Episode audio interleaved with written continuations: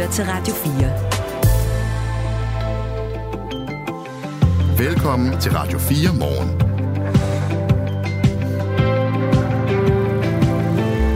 Som I lige hørte i nyhederne, så kommer det også til at blæse i dag, selvom Pia, altså stormen Pia, er løjet noget af. Lige om et øjeblik, så taler vi med DMI og får en uh, melding på, hvordan det kommer til at se ud i dag, og vi skal selvfølgelig også tale om det her øh, højvande, som også kan forventes mange steder. Vi får også en øh, snak med Jesper Mag. Han er øh, pressechef hos øh, Molslinjen, øh, som driver flere færger. Vi skal høre, hvordan det kommer til at gå med færgefarten i dag. Det er lige om lidt. Og øh, det er års korteste dag i dag. Og hvad betyder mørket egentlig for mennesket? Det har forskere inden for arkitektur og medieteknologi ved Aalborg Universitet, Mette Vass, sat sig for at undersøge i det nye år. Hende taler vi med cirka 20 minutter over 6. Og senere på morgenen, så skal vi en tur til Anholdt, for her bor PTSD-ramte Laurits Møbjerg. Han finder ro og føler sig tryg på Danmarks mørkeste sted, som altså er Anholdt. Vi skal også tale om, at tennisspillere i stigende grad oplever hadbeskeder. Men det skal et helt nyt internationalt initiativ lave om på. Vi taler med en professionel tennisspiller og landstræneren om, hvad de tænker om det her nye initiativ. Det gør vi øh, cirka halv syv. Michael Robach, Storm Piger har skabt sig hele natten. Øh, oplevede du noget øh, usædvanligt på vej på arbejde? Jeg har fem minutters gang på arbejde. Der var en væltet cykel og sådan lidt rusken i nogle stilaser, men ellers var det ikke sådan super dramatisk på min lille tur på arbejde. Her. Jeg kørte bil i øh, cirka 4-5 km. En væltet skraldespand og på cykler. Det var det hele, men øh, meget anderledes ser det ud andre steder i landet. Mere dramatisk. Det gør det. Og skriv til os på 1424, øh, hvordan du har oplevet stormen øh, i går aftes, i nat eller her til morgen. Vi vil gerne have nogle meldinger fra hele landet. Det er altså på 1424 som sædvanligt. Og dine værter her til morgen, det er Claus Andersen og Michael Robach. Godmorgen. Godmorgen.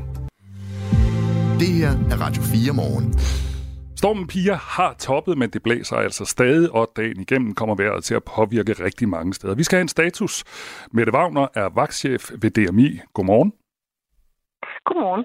Hvordan ser det ud med øh, stormvejret eller blæsevejret her til morgen? Jamen, det blæser jo stadigvæk meget derude. Hård vind til hård cooling øh, fra nordvest med vindstød, stedvis med vindstød og stor styrke. Langs den, især langs den jyske vestkyst har vi stadigvæk observeret storme med cooling, men det løjer langsomt af i løbet af dagen. Nu snakker vi lige om, at vi havde oplevet på vores vej på arbejde lidt væltede cykler, og det var vist det hele. Altså, er det, har det været, nu ved, jeg, øh, nu ved jeg ikke, hvor stort et overblik du har over det, men har det været sådan en nat, hvor der har væltet øh, stilaser og væltet træer og sådan noget? Så det har jo været, også været en læsende nat, men det har løjet en lille smule af i løbet af nattetimerne. Det er stadigvæk øh, i Nordvestjylland og Vestjylland, hvor det har været kraftigst, øh, den kraftigste middelvind, var jo målt i Tors Minde for 30 meter per sekund i går eftermiddag aftentimerne. Og den højeste vindstød er jo også i, i øh, Vestjylland i Tiberon, hvor der blev målt 44 meter per sekund. Så snakker du lidt om, hvordan øh, vejret blev i dag. Er det stadigvæk øh, Vestjylland, der kommer til at få mest blæsvejr i dag? Er også langs den jyske vestkyst og Bornholm og nordkysten af Sjælland, som der også øh, stadigvæk har lidt øh, kraftige vind her i løbet af dagen. Men i, når i eftermiddag, så aftager vinden øh, stille og roligt, så vi har en jævn til hård vind, øh, stedvis cooling. Øh, så har vi også snakket rigtig meget om det her forhøjet vandstand, og det er jo sådan, sådan som jeg forstår det, så er det jo først noget, der kommer i dag. Hvad kan du sige om det? Jamen altså, altså, prognoserne, som vi har kørt med, og vi har haft ude i en, i en god tid, det følger vi stadigvæk. Og vandstanden, den stiger fortsat her i løbet af dagen, men topper her øh, stille og roligt øh, i løbet af fredagsdøgnet. Okay, og hvor er det, altså, øh, er det, vi har hørt rigtig meget om Roskilde Fjord og Isefjord, hvor er det ellers, man kan forvente de her forhøjede vandstande? Jamen, det er jo øh, i Limfjorden, det er Vadehavet, det er den nordlige kyst af Fyn, det er indre, det er også Isefjorden og den nordlige nordkysten af Sjælland. Og så er det også øh, i Kattegatområdet, øh, langt den østjyske kyster. Mm. Nu kigger vi jo alle sammen frem mod juleaften på søndag. Hvad kan du sådan sige om de kommende dage? Altså, hvornår slipper vi helt for det her blæsvejr?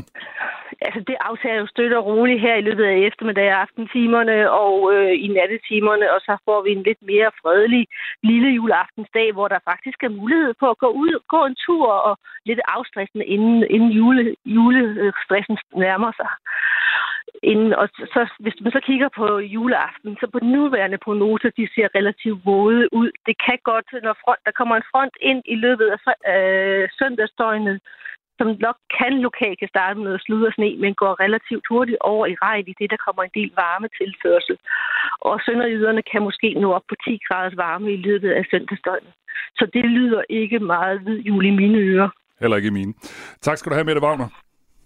Det var så lidt. Man have en dejlig dag. Jeg er i lige måde glædelig jul. Mette Wagner er vagtchef ved DMI, og det stormfulde vejr det påvirker også juletrafikken. I går kunne Bane Danmark oplyse, at flere strækninger er lukket helt frem til i dag kl. 12, og derudover så vil der også køre færre tog i løbet af i dag.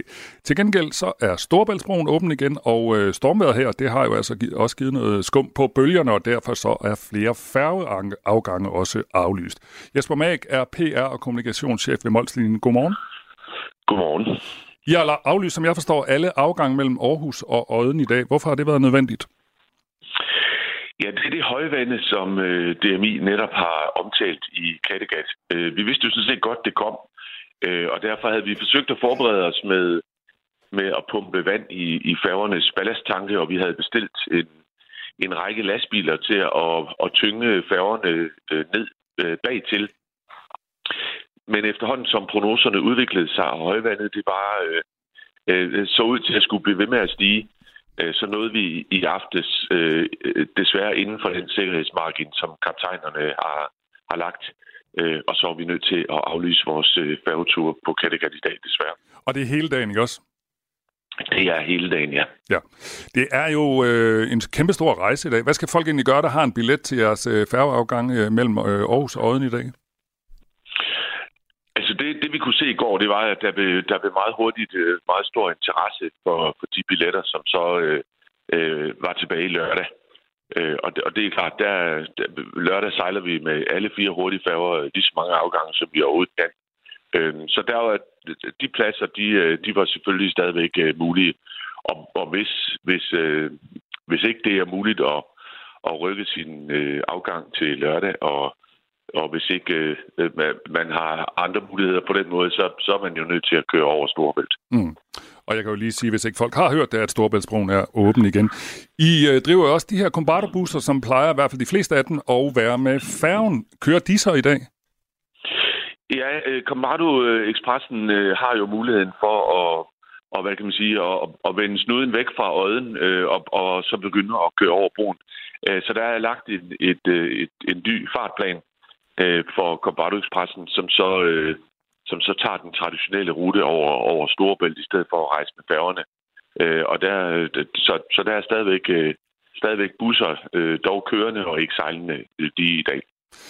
I er jo et øh, stort, øh, på trods af jeres navn, så øh, er I jo et stort øh, færgeselskab, der sejler andre steder end, øh, øh hvad hedder det, over Kattegat. I sejler også, øh, I også færger til og fra Bornholm. Hvordan ser det ud med dem? Bornholmerfærgerne, de øh, sejler. Øh, de øh, hvad hedder det, sejler planmæssigt dog efter den nye sejlplan med, med nogle andre færger end hurtigfærgerne. Alt Langeland og Samsø, de, de, har, de har aflyst til afgangen her til morgen. Samsø bliver hele dagen, men, men både Alt og Langelandsfærgerne ser ud til at forberede sig på, at, at det begynder at, at bedre sig. Og så har jeg lige fået en melding fra Fanø, færgen, som jo er den den vestligste af vores ruter, og de siger, at de går nu i, i normal sejlplan fra nu, fordi de mener, at de fornemmer, at det er ved at tage af. Så, så lidt, lidt bedring er der derude på vestkysten, sådan rent færgemæssigt i hvert fald. Så det er Aarhus Odden, som er problemet her i dag? Aarhus Odden er det, der er problemet i dag. Det er, det er super ærgerligt, at, at vi er nødt til at lukke ned på den, men, men højvandet gør simpelthen, at færgerne ikke længere øh, passer sammen med, med havnen, øh, særligt over på Odden. Sådan sagde Jesper Mæk, som er PR- og kommunikationschef ved øh, Molslinjen. Tak fordi du er med her i Radio 4. Selvfølgelig. Og vi kommer selvfølgelig til at øh, opdatere løbende og få flere reaktioner på stormen den her morgen hele morgenen igennem. Klokken den er 14 minutter over 6. Det her er Radio 4 morgen. Det var ulovligt, da det europæiske fodboldforbund for to år siden truet nogle af verdens største fodboldklubber med sanktioner, da klubberne forsøgte at lave en øh, udbryderfodboldliga, den de kaldte Super League. Det er EU-domstolen, der har afsagt den dom, og dermed taget en del luft ud af den magt, som øh, UEFA indtil videre har haft. For det er ikke forkert at sige, at øh, UEFA indtil nu har haft noget, der ligner monopol på at drive europæisk fodbold.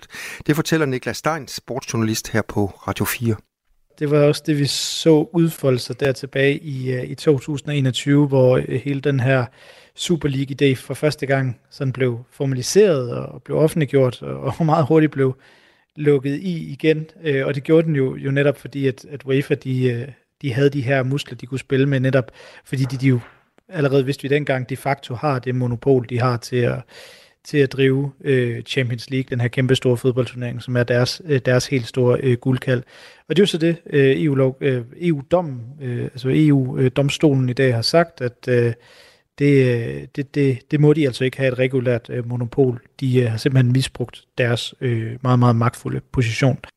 Direktøren bag Super League-selskabet A22 Sports, han hedder Bernd Reichardt, han jublede efter dommen, og han sagde, vi har vundet retten til at konkurrere, UEFA's monopol er forbi, fodbolden er fri. Og EU-dommen i går også klar besked om, at øh, det nu er op til klubberne selv, hvad de vil konkurrere i. Vil klubberne være en del af det, vi kender som det, hvad skal man sige, det, det, den, den normale europæiske fodboldpyramide, som vi har kendt den, den sidste 30 år, hvor, man, hvor, hvor hvert øh, land, i hvert fald i Europa, hvert land har deres egen liga, og hvis man er så dygtig og kan vinde den liga, jamen så kan man få en billet til, til en af de her store turneringer. Det kan være Champions League, eller Europa League, eller Conference League, og hvad de alle sammen hedder, som jo er turneringer, som UEFA øh, arrangerer. Det kan de jo så selv vælge klubberne, om de vil være med i det, eller om de eventuelt vil være med i, i, i noget helt andet. For eksempel noget af det, som, som, som det her firma A22, øh, de, de, de, de kommer med et tilbud om, altså den her European Super League. Det er i hvert fald det, dom har slået fast i dag, og det, det har en ret i, Bernd Reichardt, at på den måde er fodbolden blevet fri. Øhm, det vi jo så i 2021 var, at UEFA gjorde alt, hvad de kan, kunne for at, at kvæle den her Euro, øh, European Super League-idé ved øh, simpelthen at sanktionere, eller i hvert fald true med at sanktionere de klubber, som overvejede at gå med i uh, European Super League. Så man siger, så må I ikke spille med i, uh, i Champions League. Det er så det, som, som Dom i dag har sagt, at det øh, der, der, der tror de over stregen UEFA, det var, det var at misbruge øh, deres magt. Så det er altså op til klubberne selv, hvilke og hvor mange turneringer de eventuelt øh, vil, vil, vil spille med i. Og på den måde, så er det rigtigt, så, så er fodbolden faktisk på sin vis givet fri i dag. Da folkene bag Super League i 2021 lancerede ideen om øh, den her Super League, så var der stor modstand også fra dansk side.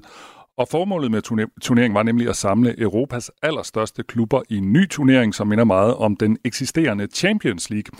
Og derfor så er DBU's formand Jesper Møller heller ikke tilfreds med dommen i dag. Jeg er i hvert fald ærgerlig over det, øh, fordi det har jo været en kamp om den europæiske sportsmodel, som vi selvfølgelig havde håbet på at få, få blåstemplet. Jeg har vist tidligere sagt, og det er der mange andre, der også har sagt, og jeg har også set en analyse på det, at det var jo oprindeligt selve kampen fællesskab øh, og solidaritet over for egoisme og grådighed. Men det er klart, at, øh, at der er behov for at, at nærlæse og se, hvad får det her så af konsekvenser. Og øh, konsekvenserne, som DBU's formand Jesper Møller her er inde på, bliver nok, at øh, folkene bag den her Super League forsøger at sætte øh, tempoet op for at få Super League til at blive til en realitet den her European Super League, den kommer til at blive, altså den, er, den har ikke været død på noget tidspunkt, men den har sådan lidt ligget i dvale, indtil man fandt ud af, altså den periode fra 2021 til nu, hvor man fandt ud af, hvad deres sådan, hvad skal man sige, råderum har været, og, og nu kommer de i hvert fald til, og det har de allerede i dag, at skrue op i femte gear. Altså den her European Super League og de kræfter, der er bag den, den, den kommer til at få et, øh, et, et, et ordentligt skud.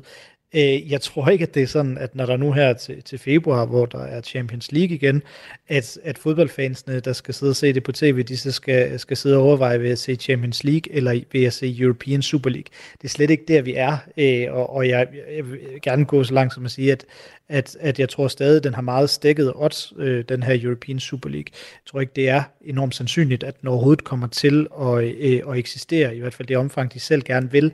Men det er klart, at jeg tror, der var mange, der, der, der, der lidt regnede med, at dommen i dag vil falde ud til for eksempel øh, UEFA og, og hele den her europæiske øh, fodboldpyramides fordel, og, og hvis den havde gjort det, som de fleste af os nok havde regnet med, jamen så var den her dør blevet smækket øh, helt i, lige i hovedet på øh, European Super League, og så var den øh, drøm øh, fuldstændig død. Der var så sket det fuldstændig... Øh, Øh, det fuldstændig modsatte. Nu kan de drømme videre og gå og planlægge videre med den her øh, European Super League øh, pakke eller tilbud, eller, eller hvad vi egentlig skal, skal kalde det. Så, så den umiddelbare konsekvens bliver, at, øh, at mange ting simpelthen er oppe i luften, og der kommer til at være mange forskellige muligheder i forhold til, hvilke projekter man som for eksempel fodboldklub vil, vil prøve at give sig, give sig i kast med. Det er ikke bare sådan, at at, øh, at, at man skal øh, gå efter at komme i Champions League. Måske er der også øh, andre veje, øh, sådan måske ikke umiddelbar øh, nær fremtid, men sådan med et længere perspektiv. Sådan lød det fra sportsjournalist her på Radio 4, Niklas Stein, og TV2 Sport er fra, at øh, folkene bag Super League har henvendt sig til FCK og Brøndby, men øh, de beretter også, altså TV2 Sport, at de store klubber til Sydlandene ikke har udvist interesse øh, for den her udbryderturnering. Klokken den er 20 minutter over 6. Du lytter til Radio 4. For rigtig mange kan mørket være lige med noget, der gør en trist, tung og træt. Men ifølge en forsker ved Aalborg Universitet kan mørket faktisk også påvirke os positivt. Mette Vass er forsker ved arkitektur og medieteknologi ved Aalborg Universitet. Godmorgen. Godmorgen. Fra januar, der sætter du gang i et forskningsprojekt øh, på Anhold. Det handler om mørkets betydning for mennesker, hvad det gør ved os. Hvad er det præcis, der skal ske, øh, når du tager til Anholdt?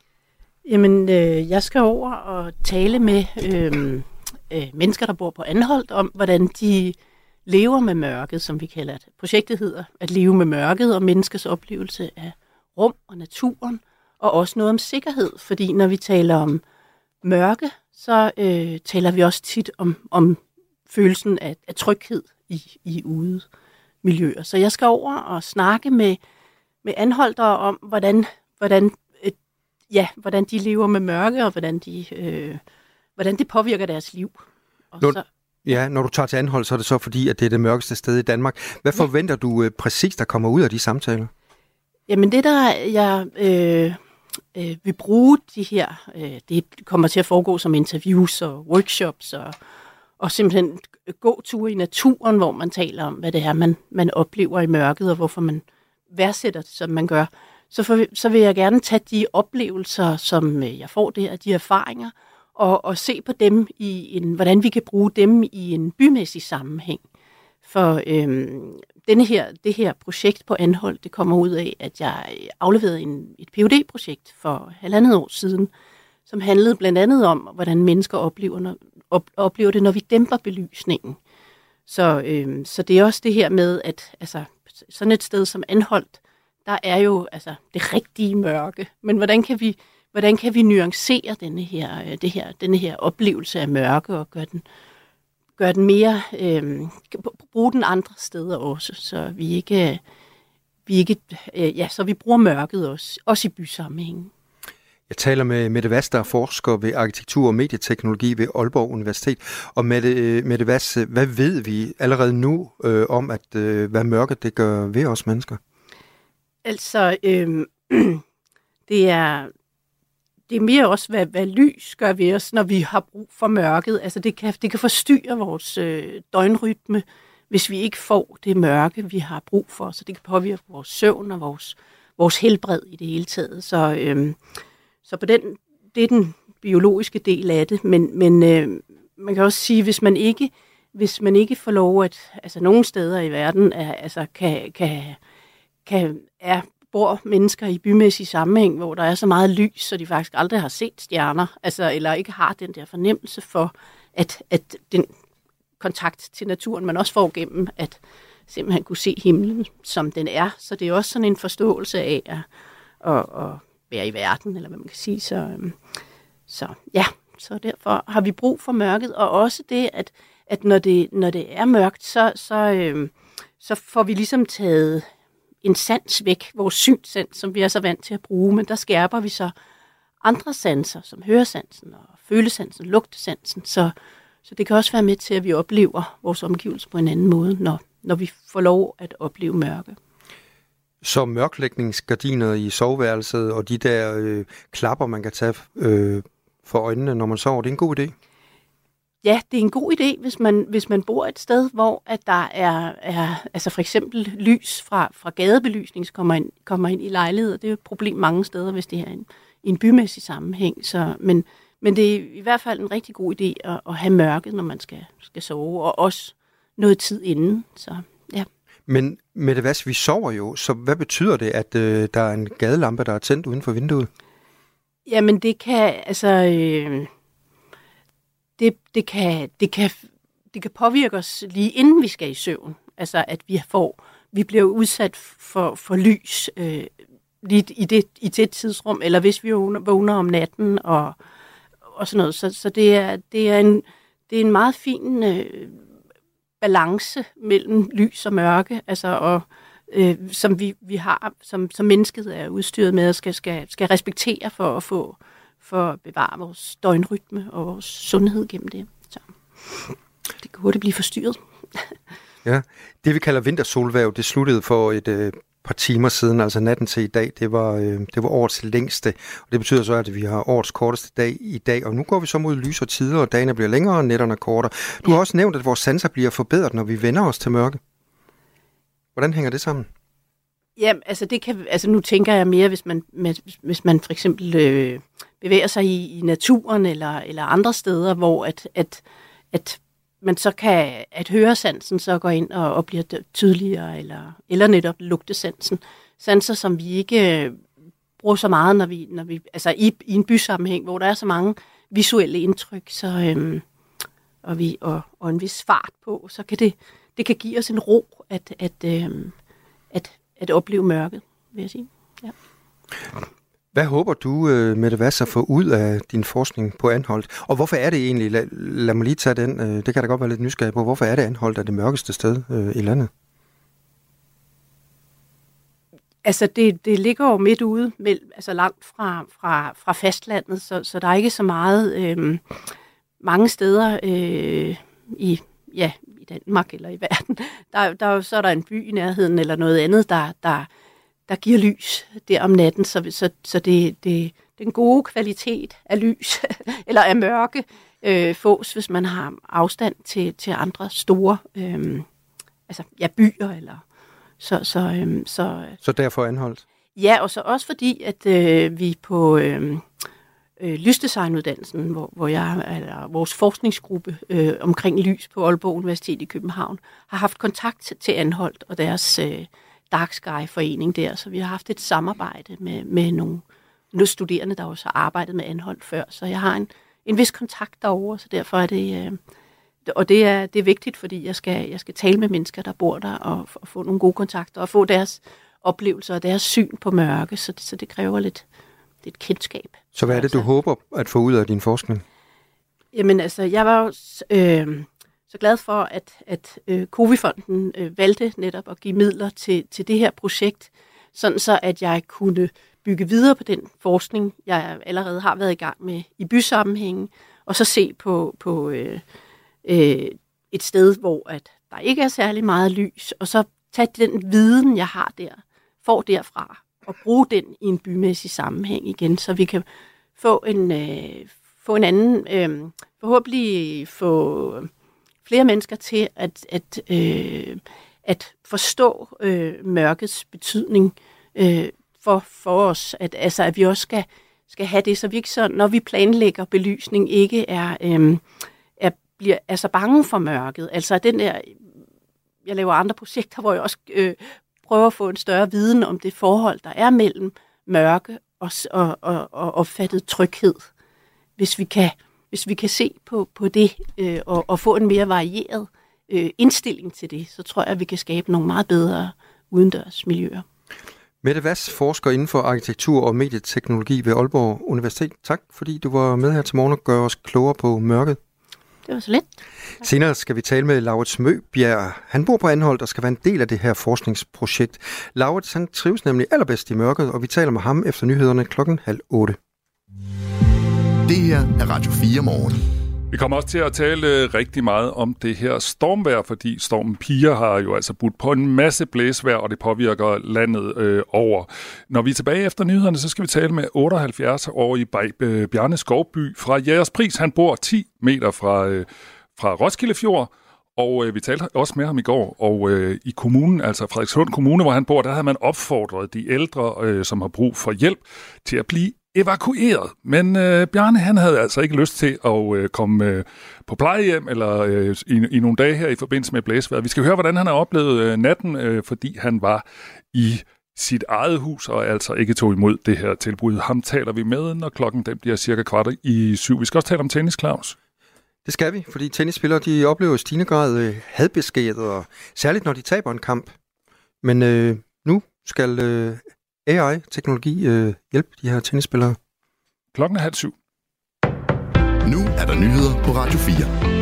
Humanitær hjælp til Gaza har været omdrejningspunktet for intense forhandlinger i FN's Sikkerhedsråd, hvor en afstemning er blevet udskudt flere gange. Men nu ser det ud til, at USA kan støtte det nuværende udkast til en resolution. Det siger USA's FN-ambassadør Linda Thomas Greenfield ifølge mediet Al Jazeera.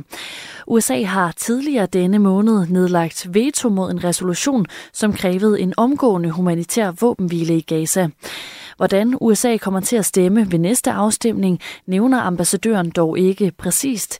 Men hvis resolutionen bliver fremsat, som den er nu, så kommer USA til at støtte, siger hun. Og seneste melding lyder, at afstemningen i FN's Sikkerhedsråd er udsat til i dag. Reglerne for sygemeldinger på Christiansborg bliver strammet. Folketingets præsidium har nemlig besluttet at ændre på ordningen for folketingsmedlemmernes sygeårlov. Det oplyser Folketinget. Ændringerne betyder, at når folketingsmedlemmer melder sig syge, skal en lægeerklæring sendes til Folketingets formand. Tidligere har medlemmerne blot skulle vise en lægeerklæring til gruppeformanden. Fremover skal lægeerklæringer desuden også angive sygdommens ventede varighed. Ændringerne for folketingsmedlemmerne vil i endnu højere grad svare til de vilkår, som gælder på det øvrige arbejdsmarked, siger Folketingets formand Søren Gade. Ændringerne kan træde i kraft efter, at udvalget for forretningsordnen har tilsluttet sig, og det sker på et møde i januar. For alle med en færgebillet mellem Odden og Aarhus er der dårligt nyt. Alle afgange i dag er aflyst, da følgevirkningerne af stormen Pia gør, at det ikke er sikkert for færgerne at transportere passagererne. Dagens aflysninger lægger dermed pres på afgangene i morgen, men det er der taget højde for, siger Jesper Mag, som er kommunikationschef på Molslinjen. Så vi har jo alle fire hurtige færger på vandet øh, lørdag, og dermed har vi jo, øh, hvad kan man sige, rigtig meget kapacitet. I Tjekkiet er der erklæret national sørgedag i morgen den 23. december. Det sker for at mindes offrene for et masseskyderi på et universitet i landets hovedstad Prag. Det er landets regering besluttet, skriver Reuters, og landets præsident kalder hændelsen for det mest tragiske i Tjekkiets historie. I går skød og dræbte en 24-årig tjekkisk studerende 14 personer på et universitet i Prag. Derudover blev 25 personer såret, hvoraf 10 personer er alvorligt såret. Den 24-årige var studerende på Karls Universitetet, hvor skyderiet fandt sted, og også den formodede gerningsmand er død, oplyser politiet. Den amerikanske fødevare- og lægemiddelstyrelse advarer forbrugere mod at benytte sig af falske versioner af Novo Nordisks diabetesmiddel Ozempic. Styrelsen har fundet falske versioner af Ozempic blandt lægemidler i USA. Tusindvis af enheder er blevet beslaglagt, og styrelsen fortsætter med at undersøge de forfalskede produkter. Ifølge den amerikanske fødevare- og lægemiddelstyrelse er det blandt andet nålene, som er forfalsket. Nålenes sterilitet kan ikke bekræftes, og det udgør en yderligere risiko for patienterne, lyder det. Derudover er også indpakningen og markedet forfalsket på de beslaglagte produkter. Blæsende med hård vind til cooling, og DMI varsler også om vindstød af stormstyrke. Ellers perioder med lidt eller nogen sol, men også byer, som kan være med regn, slud eller sne. Temperatur mellem frysepunktet og 4 grader. Det her er Radio 4 morgen.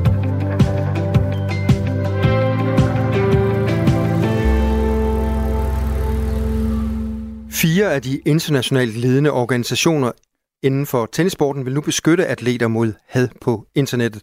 Ved hjælp af kunstig intelligens vil de overvåge, anmelde og hjælpe med at identificere personer, der står bag trusler og hadbeskeder. På den måde skal spillerne beskyttes imod det stigende antal hadbeskeder, de fortsat oplever. En af dem, der oplever at få rigtig mange hadbeskeder og trusler via sociale medier, det er Christian Sisgaard. Han er professionel tennisspiller og spiller for det danske landshold. Godmorgen. Godmorgen. Hvor stort et problem er upassende beskeder for dig øh, som tennisspiller, Christian?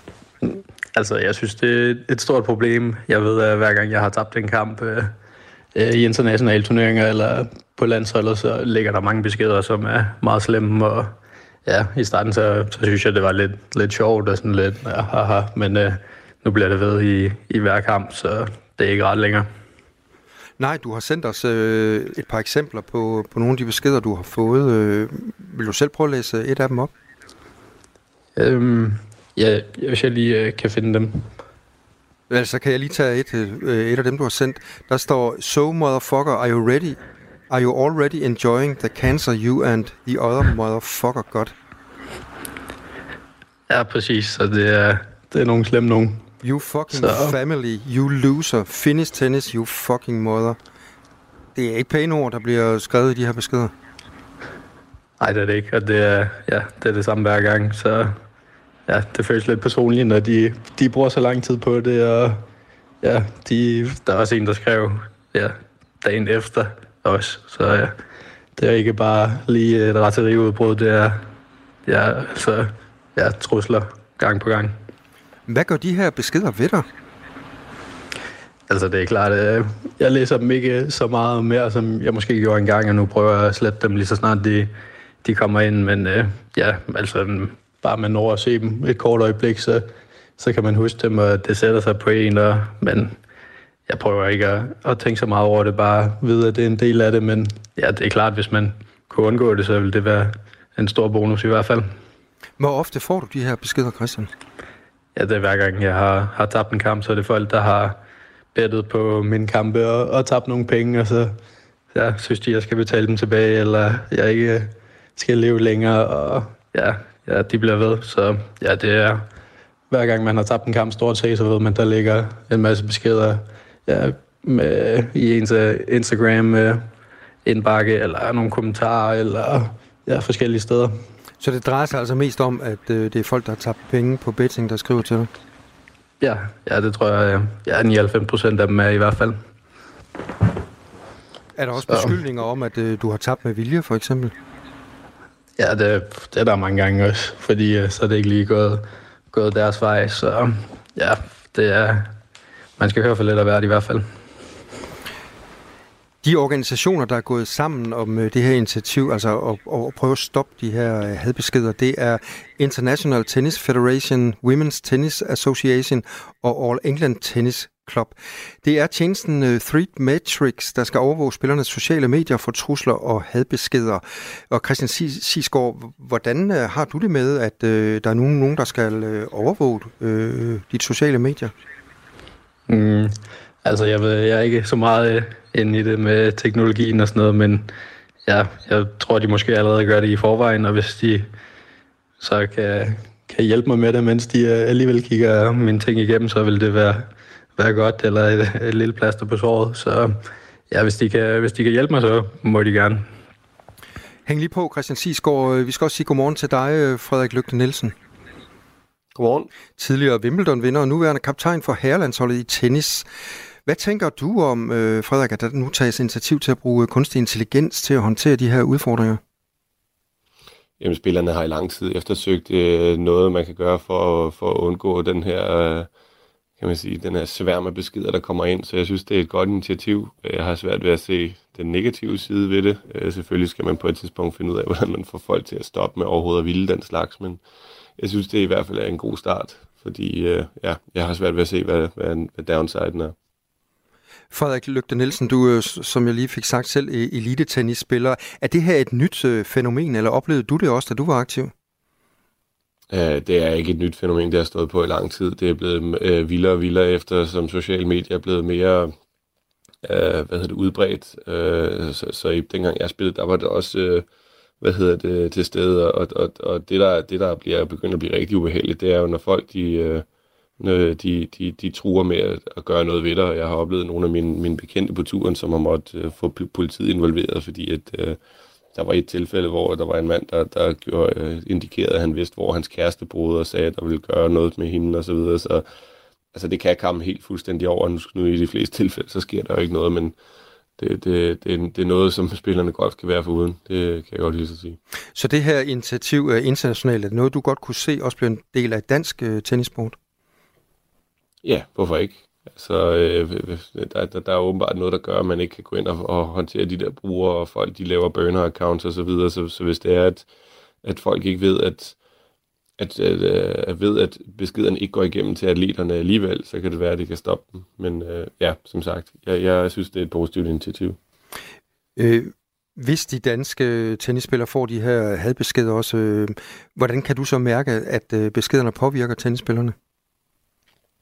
Altså som udgangspunkt, så er jeg mest oplevet den side, som Christian fortalte til at starte med, at, at de er meget gode til at grine lidt af det. At, øh, at det er blevet sådan lidt, en, at de prøver at se det fra den lyse side, og prøver at se det fra den humoristiske side, at se, hvad, hvad, hvad har du fået i dag, og hvad har jeg fået, og hvem, hvem har fået den vildeste besked. Men øhm, som udgangspunkt, så tror jeg, at vores, hvor de gutter, vi har på, på holdet, har været okay til det, men det er klart, at jeg det, det, det, det er ikke noget, vi har snakket specielt meget om, så jeg ved ikke, hvor meget det påvirker miljøet med kampene, eller om det er noget, der der stresser dem i momenterne osv., men, men jeg har en opfattelse af, at vores spillere, de, de har håndteret det okay, men der, alle har jo en grænse, og det er jo ikke, det er jo ikke noget, som de gerne vil have i deres liv. Så du ved ikke noget om, at øh, hvorvidt de er, de er presset, når de går ud til, til næste kamp og tænker, jeg må få gudskyld ikke tabe den her kamp. Jeg kan ikke holde til mere. Det ved jeg selvfølgelig ikke, men jeg har, jeg har en idé om, at de måske ikke er så påvirket af det. Jeg tror ikke, de sidder at, øh, og, og, og påvirker den måde, de håndterer i kampene, fordi det paradoxale er, at, øh, at de får sgu også beskeder, hvis de vinder. Så, så det, det, er en, det, er en, det er en situation, der er svær at undgå. Vi taler med Frederik Lygte Nielsen, kaptajn for Herlandsholdet i tennis og elitemiljøtræner for Dansk Tennisforbund. Det gør vi, fordi en række internationale tennisorganisationer er gået sammen om at forsøge at komme hadbeskeder og trusler i sporten øh, til livs. Så Frederik Lygte Nielsen, øh, hvad forventer du, at øh, der kommer ud af det her initiativ? Jamen, jeg tror, at det, for, for det første så er, der, så er der gjort noget, og så har en hvad hedder, organisationen ligesom vist, at nu, nu, nu tager vi det seriøst. Jeg tror, at spillerne vil blive glade for det. Jeg tror, at spillerne vil opleve en mere, øh, hvad hedder det, øh, lidt mere mod på at, at bruge de sociale medier, både på og efter, hvad hedder det, øh, kampene. Og øh, jeg har også hørt nogle spillere, der, der, der har haft nogle virkelig store problemer med det, og ikke synes, det var sjovt, og forhåbentlig kan man komme det til liv, så gør det til en lidt mere Øh, ren affære at bruge de sociale medier, er noget, der skal være øh, udelukkende positivt, og ikke, øh, og, og ikke have de oplevelser, hvor spillerne synes, at, øh, at der er grund til ikke at bruge sociale medier, fordi det er unægteligt en stor del af moderne sport, og, og det at være en, en, en prominent atlet, det er, at man kan interagere med, med fansene online, og hvis, hvis det er, det bliver nemmere med det, så kan man forhåbentlig få spillerne mere i gang og skabe noget mere, øh, noget mere positiv dynamik på de sociale medier. Christian Sisgaard, professionel tennisspiller og spiller altså for det danske landshold. Og Christian Sisgaard, øh, har du nogensinde overvejet helt at droppe øh, de sociale medier? Øhm, nej, ikke som sådan. Jeg har overvejet at gøre min, min bror privat, men øh, der er også nogle øh, ting, man mister på det, øh, hvis der er øh, folk, der vil skrive til en, øh, altså, øh, ikke havde beskeder, bare ja, normale beskeder, så får man heller ikke dem, så det er man bliver nødt til at have en, have en åben profil, men ja, som Frederik også siger med sociale medier, så er alle bare meget mere udsatte nu, og de kan ja, komme i kontakt på en på alle mulige mærkelige måder, så ja, jeg tror ikke, der er så meget at gøre fra min side, andet end at, at håbe på de tiltag, som, som nu forhåbentlig kommer. Christian, jeg sidder med lidt røde ører, fordi vi fik ikke skruet ordentligt op for dig øh, i begyndelsen af dit svar, men jeg synes, jeg kunne høre dig sige nej til spørgsmålet, om du kunne finde på at droppe øh, sociale medier. Ja, ja altså jeg kan ikke finde på at droppe det.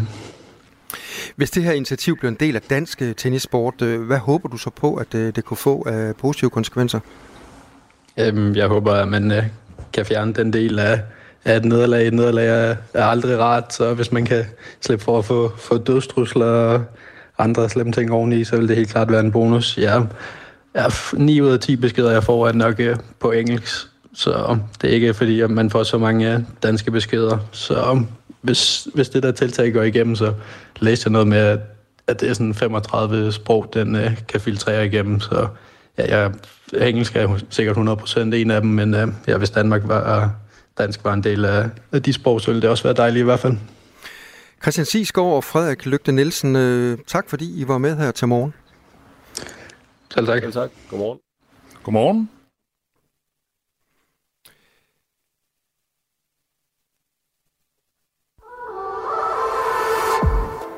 Du lytter til Radio 4. Måske fordi du er en af dem, der rent faktisk har lyst til at høre noget nyt. Radio 4. Ikke så forudsigeligt. Og så skal vi tilbage til stormen Pia, for den har budt på vindstød af orkanstyrke i hele landet. Men flere steder har været mere udsat end andre, heriblandt Frederikssund Kommune, hvor man øh, inden piger gik i land opfordrede borgere med behov for hjemmehjælp til at lade sig evakuere. Og i går der talte vi med 78-årig Bjarne Skovby fra Jægers Pris, som fik øh, et opkald fra hjemmeplejen, fordi han er kørestolsbruger, øh, altså har brug for hjælp. Og han sagde sådan her til os i går. Jamen, de vil gerne have mig ud herfra. Øh, og jeg sagde, øh, nej tak, jeg bliver, hvor jeg er det var de ikke så tilfredse med, tror jeg. Men øh, det gør jeg altså. Det er min fjerde gang, jeg er udsat for det her, og det første gang, det var i 1973. Jeg har boet det her hus i 54 år, og øh, første gang der i 73, der var broen også helt lukket. Men vandet har aldrig været inde i huset, heller ikke under bodil. Øh, og jeg sætter min lid til, at det er nogenlunde det samme dengang. Nu har vi Bjarne Skovby med os igen. Godmorgen, Bjarne. Ja, godmorgen. Hvordan øh, er, det gået, hvordan er natten og dagen øh, gået op hos dig i jeres pris? Forbavsende rolig. Nå. Øh, selvfølgelig har det rusket og larmet derude. Øh, men øh, jeg er hverken blæst væk eller druknet. Har du, nu, ved, nu ved jeg godt, du sidder i kørestol, så jeg ved ikke, hvor mobil du er, men ved du, om du har fået nogle skader på dit hus? Det tvivler jeg på. Jeg, jeg hørte for en time siden et ordentligt brag derude øh, og er ikke helt klar over, hvad det er. Men, men øh, jeg har en øh, fornemmelse af, at det kunne være en krydsfinerplade, der er stået op af et skur, som der eventuelt er væltet. Okay. Ellers skal jeg ikke rigtig komme på, hvad det skulle være. Øh, jeg bor i et stråtægt hus, øh, og det er et øh, nyt, nyt tækket tag for et par år siden. Så det burde kunne være intakt og holde fint nok. Øh, og ellers kan jeg ikke rigtig se, der er ikke noget derude. Jeg har ingen store træer i nærheden af huset, der kunne vælte. Mm. Så, så ja, jeg tror ikke, der sker noget. Det er bælragende mørkt her i Aarhus, det går ud fra, at det også er jeres pris. Men, men, men en af grundene til, at de ville evakuere dig og andre, det er jo den her frygt for, at øh, vandet skal stige meget, meget voldsomt. Øh, nu ved jeg ikke, hvordan, øh, det, og det kommer vist faktisk øh, først lidt senere, men, men har du nogen fornemmelse af, om øh, du har vand i haven? Nej, det er bælragende mørkt. Det, det, er, jeg, det er jo så mørkt derude, man kan netop, som vi hørte tidligere, se stjernerne. Ja. Øhm, fordi jeg er omgivet af skov og, og vand, øh, og ikke noget andet lys, andet end hvad jeg selv producerer. Men jeg har haft en øh, projektør stående, så jeg har fra min seng kunnet se ud på terrassen, om der kom vand op på terrassen. Jeg har terrasse på hele lang siden af huset og på gavlen af den øh, og det er der, vandet vil vise sig, hvis det havde i sinde at komme ind. Men der er ikke en dråbe derude, der er tørt. Oh, det lyder godt. Kommunen ja. øh, opfordrede jo til evakuering af frygt for, at hjemme, øh, hjemmeplejen ikke øh, ville kunne nå frem til de boliger, som ligger bag de her såkaldte watertubes, eller boliger, der måske kunne få vand øh, helt op omkring huset. Øh, har du fortrudt, at du ikke er blevet evakueret? Overhovedet ikke. Det er gået fuldstændig, som jeg havde håbet på og regnet med. Øhm, og det er lidt ud fra en kalkuleret risk. Øhm, fordi det ene hjørne af huset af grunden, det er lidt lavere end resten af grunden. Øh, og sidste år, da vi havde Malik, øh, der sagde de, at øh, den var 165 år daglig højvand, og der kom en meter op på græsplænen over i det hjørne. Så der, der ved jeg, at når jeg ser noget vand dernede, så øh, er vi oppe omkring 165. Og da jeg så hørte i går for det meste, at vi havde den her øh, nye storm, den vil bringe omkring 180 ja. år daglig højvand. Øh, så sammenlignet med Bodil, der var op på over to meter, så var det, jeg følte mig sådan rimelig sikker, at okay, hvis den holder sig på de 180, så, så er jeg hjemmefri. Fordi, så sker der ikke noget. Der skete heller ikke noget, da Bodil øh, var der, og øh, altså, som du selv siger, var op på to meter. Nej, altså det var på dækket terrassen, og det kom op på dækket det første trin. Jeg har et, et enkelt trin ind til min køkkendør. Øh, og det stoppede faktisk 5 øh, cm, inden at det kunne øh, være kommet ind der.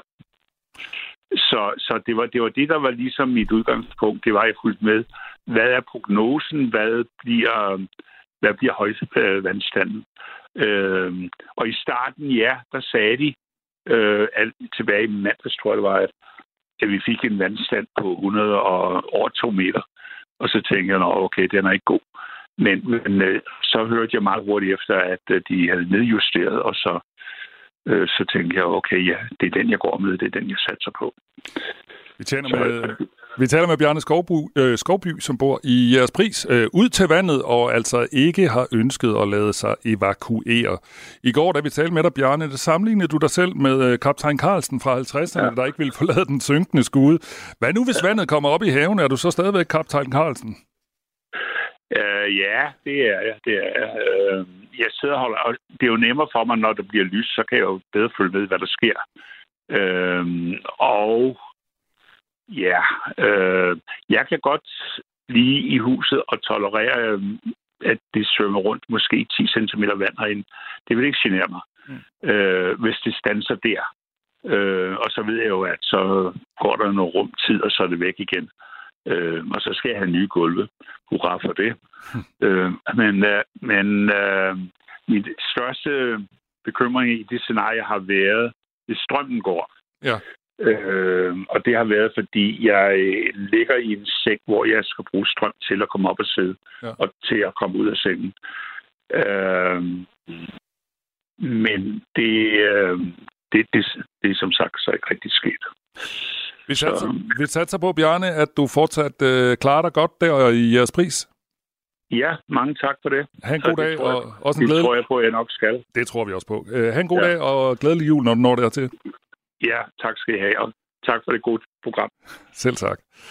Øh, Claus, øh, lad os lige øh, opdatere lidt på øh, stormværet. Ja, lad os lige øh, runde, lad os lige runde stormen Pia. Hvad er hun for en øh, størrelse? Hvad har hun haft af konsekvenser indtil videre? Altså, det er den voldsomste storm, der har ramt landet i otte år, og det var med middelvind af stærk storm, mens vindstødene flere steder har været langt over grænsen for orkan. Og det er især i den nordvestlige del af Jylland, der er blevet ramt øh, hårdt af stormen. Der har den givet øh, de højeste vindhastigheder i Danmark siden stormen Gorm i 15. Der har været vindstød over orkanstyrke. Vindstødene i Nordvestjylland har været usædvanligt voldsomme. Typeronnen er der indtil i aftes kl. 22 målt hele 44 meter i sekundet, og grænsen for orkan det er altså 32,7 meter i sekundet. Og øh, så kan vi fortælle flere motorveje, Ja, lad os, spærret, ja, lad os tage, træer. Mm. tage lidt om trafikken, fordi at uh, Vejdirektoratet advarer her til morgen om, at der er væltet træer på motorveje, i hvert fald tre steder i landet. Det er E47 Helsingør Motorvejen i sydgående retning mellem Esbergære og Kvistgård. Her ligger et eller flere træer i højre spor, og øh, rute 23 Holbæk Motorvejen i vestgående retning mellem Kornerup og Gævninge. Her ligger et eller flere træer også i højre spor, og E45 Syd Sønderjyske Motorvej mellem øh, Vojens og Ustrup. Der er der også problemer. Øh, og I kan i øvrigt høre mere om øh, situationen på vejene cirka kvart i otte, hvor vi har Vejdirektoratet med i programmet. En 81-årig mand er også død i forbindelse med en ulykke nær Tabernøje i aftes. En kvinde skulle undvige et træ, der lå tværs over vejen og endte med, da hun ville undvige det her træ og øh, køre frontalt ind i manden. Det oplyser Sydsjællands og Lolland Falsters politi. Og så kommer det nok ikke som en overraskelse, at de danske politikredse har haft travlt. De har været beskæftiget med Storm Pia siden i går eftermiddag. Flest anmeldelser i Midt- og Vestjylland, hvor der har været over 200 anmeldelser, typisk om øh, væltede træer. Københavns politi har fået 25 henvendelser om stormskader. De handler rigtig meget om øh, de her julegivolander, øh, som hænger mange steder i byen. Og der er også øh, meldinger om væltede vejskille og vinduer, der er blæst ud. Nordsjællands politi har fået mellem 8 og 10 stormrelaterede anmeldelser. Størstedelen af dem har drejet sig igen om væltede træer. Og i øh, hos Midt- og Vestjyllands øh, politi, der oplyser man, at natten har faktisk været relativt stille. Forventningerne taget i betragtning. Kredsen har fået 26 stormrelaterede henvendelser. Der er et enkelt træ, der har ramt et hus, og det er jo sådan set også alvorligt nok. Og i havnene i kredsen, der er vandet stigende, men det er ikke gået over kajen her til morgen i hvert fald. Det ser ud som om, at der er væltet mange træer rundt omkring øh, i landet. Sydsjællands og Lolland Falsters politi har fået mellem 50 og 100 stormrelaterede anmeldelser. De fleste har igen været om væltet træer, og det samme øh, på Fyn. Fyns politi modtaget 141 stormrelaterede anmeldelser, mest om træer og grene på vejen. Sydøstjyllands politi har fået 151 øh, anmeldelser. Det handler også om øh, træer og væ- øh, væltede træer på vejene. Og Midt- og Vestjyllands politi har fået godt 200 anmeldelser, som er relateret til stormen. Østjyllands politi har fået 28 henvendelser. Igen handler det om væltede træer på kørebanen. Og øh, på Bornholm, der har der ikke været nogen stormrelaterede anmeldelser. Og... Øh, så mangler vi Nordjyllands politi, og det her det er en opdatering fra Ritzau's Bureau, og øh, Ritzau's Bureau har ikke øh, få, øh, fået kontakt til Nordjyllands politi endnu. Det var en lille opdatering på, hvordan det går med stormen Pia. Det her er Radio 4 morgen. Mindst 15 mennesker er blevet dræbt og 24 såret ved et skyderi på et universitet i det centrale Prag. Det oplyser tjekkisk politi på det sociale medie X. Den formodede gerningsmand var selv studerende på universitetet og er ifølge tjekkisk politi blevet elimineret, som de kalder det. På et pressemøde torsdag aften sagde politiet, at øh, gerningsmandens far var blevet fundet død tidligere på dagen. En af de danskere, som øh, befinder sig i Prag, er Peter Bak lauritsen Han er SFO-leder ved øh, Duhovka-skolen i Prag. Han befandt sig på sin arbejdsplads ikke øh, særlig langt fra universitetet. Jamen, da det, da det fandt sted, var, vi, var jeg på skolen, jeg var på arbejde, så spredes, spredes det jo sådan lidt efter lidt, at der er sket et eller andet. Øh, folk får en opdatering, en nyhedsopdatering på deres telefon eller et eller andet, så plus så var der en af, af, af lærerne, som vi har sådan en, en intern øh, WhatsApp, hvor vi deler ting, hvis der er noget, man hurtigt skal vide, som regel om børnene, men den her gang altså sådan noget som det der. Selvom snakken gik hurtigt øh, på skolen om det her skyderi, så var det først senere på dagen, det gik op for Peter, hvor tæt skyderi, skyderiet på universitetet egentlig var på hans arbejdsplads. Der sker to ting. Den ene ting er, at øh, min datter ringede fra, øh, fra Danmark for at høre, om jeg var okay. Og så går jeg jo op for mig, at, at det må være virkelig alvorligt, det der er sket, fordi øh, ellers havde hun formodentlig ikke tænkt sådan på den måde. Og den anden ting var så, at jeg har på min, på, i min SFO, jeg har to, øh, jeg har to vikarer, som begge to studerer på, på det fakultet eller på den del af universitetet, hvor det skete. Og den ene var heldigvis på arbejde, og hun fik så fat i den anden, som kunne fortælle, at hun var øh, uskat. Og jeg har så hørt fra hende senere, at hun var, slet, hun var slet ikke til stede på universitetet. Hendes timer var blevet aflyst, så det var jo det var en stor lettelse. Men på den måde kommer det også tæt ind på livet lige pludselig, det, selvom man tænker, ja, det er frygteligt, men det har jo ikke, det har jo ikke ligesom noget med mig at gøre, men det kan det hurtigt få. Peter Bak lauritsen han er SFO-leder ved øh, Duhovka-skolen i Prag, som altså ligger ikke ret langt væk fra det her universitet, hvor skyderiet det øh, foregik. Mindst 15 blev altså dræbt af her blandt den formodede gerningsmand, som selv var studerende på det tjekkiske universitet. Ifølge Peter Bak lauritsen så kom informationerne om skyderiet løbende ind stille og roligt, så får man jo mere og mere at vide, så jeg har hørt øh, det der med, at øh, dødstallet steg sådan stille og roligt i løbet af, af eftermiddagen, og øh, også at gerningsmanden var død, og, og noget om, at han måske havde øh, fået inspiration fra Rusland. Han har skrevet på, på russiske sociale medier om det her. Sådan lød det fra en dansker i Prag, som kunne fortælle, hvordan situationen så ud efter skyderiet på universitetet i det centrale Prag. Altså Peter Bak lauritsen SFO-leder ved Duhovka-skolen i Prag. Det her er Radio 4 morgen. Husk, at du kan sende os en sms 1424.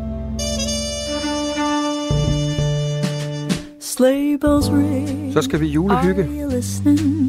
Ja, der er både storm og masser af ulykker, men det er jo også snart jul, Claus. To dage til. Ja. Mm. Hvad har du ønsket dig? Strømper og underbukser? Kig på mit ansigt. En barbermaskine? Ja, i på sin skægtrimmer. Er det rigtigt? Ja. Nå, men der er jo masser, og måske specielt mænd, nu er jeg lidt fordomsfuld, der har lidt svært ved at finde ud af, hvad de skal ønske sig til jul. Men altså, bladet Samvirke er kommet med nogle gode idéer. De har spurgt øh, livsstilsekspert Helle Lundsgaard, hvad man kan ønske sig, hvis man nu er til mere end strømper, underbukser og skægtrimmer. Og her kommer nogle gode bud, hvis man øh, bliver ved med at blive pladet. Hvad ønsker du dig? Her kommer de. Haveredskaber. Gå ud i redskabsskuret og overvej, øh, om øh, der er noget, der trænger til at blive skiftet ud. Hullet havehandsker. Eddermame kedeligt. River uden tænder. River uden tænder og den slags ting. Det er et bud. Mm. Noget andet er at gøre lidt det samme med dit køkken. Kig i skufferne. Køkkenredskaber. Er der et eller andet, du mangler? En airfryer. Den har vi snakket om. Det er jo ligesom det store julegavehit. Så er der også øh, et andet forslag, som øh, livsstilsekspert Helle Lundsgaard kommer med til bladet Samvirke. Hun siger insekthoteller, pindsvinebo, eller Erenhus. Det kan du også ønske dig, Claus. Et ærenhus. Ja, så kan du få en æren til at flytte ind i din have. De er egentlig meget søde. Ja. Det kunne faktisk være godt være en mulighed. Mm. Jamen, Og så får du lige sidste bud her. Jeg tror, du også vil synes, det er lidt uopfindsomt. Du får det alligevel en kalender til næste år, 2024. Så ved du... Altså en fysisk kalender. Jeg tror ikke, de eksisterede med. Jo, de eksisterer med, og, og, og der er faktisk, tror jeg, flere og flere, der bruger den. Men øh, her var i hvert fald øh, nogle bud til mænd og kvinder, som ønsker sig andet end strømper, underbukser og skægtrimmer. Walking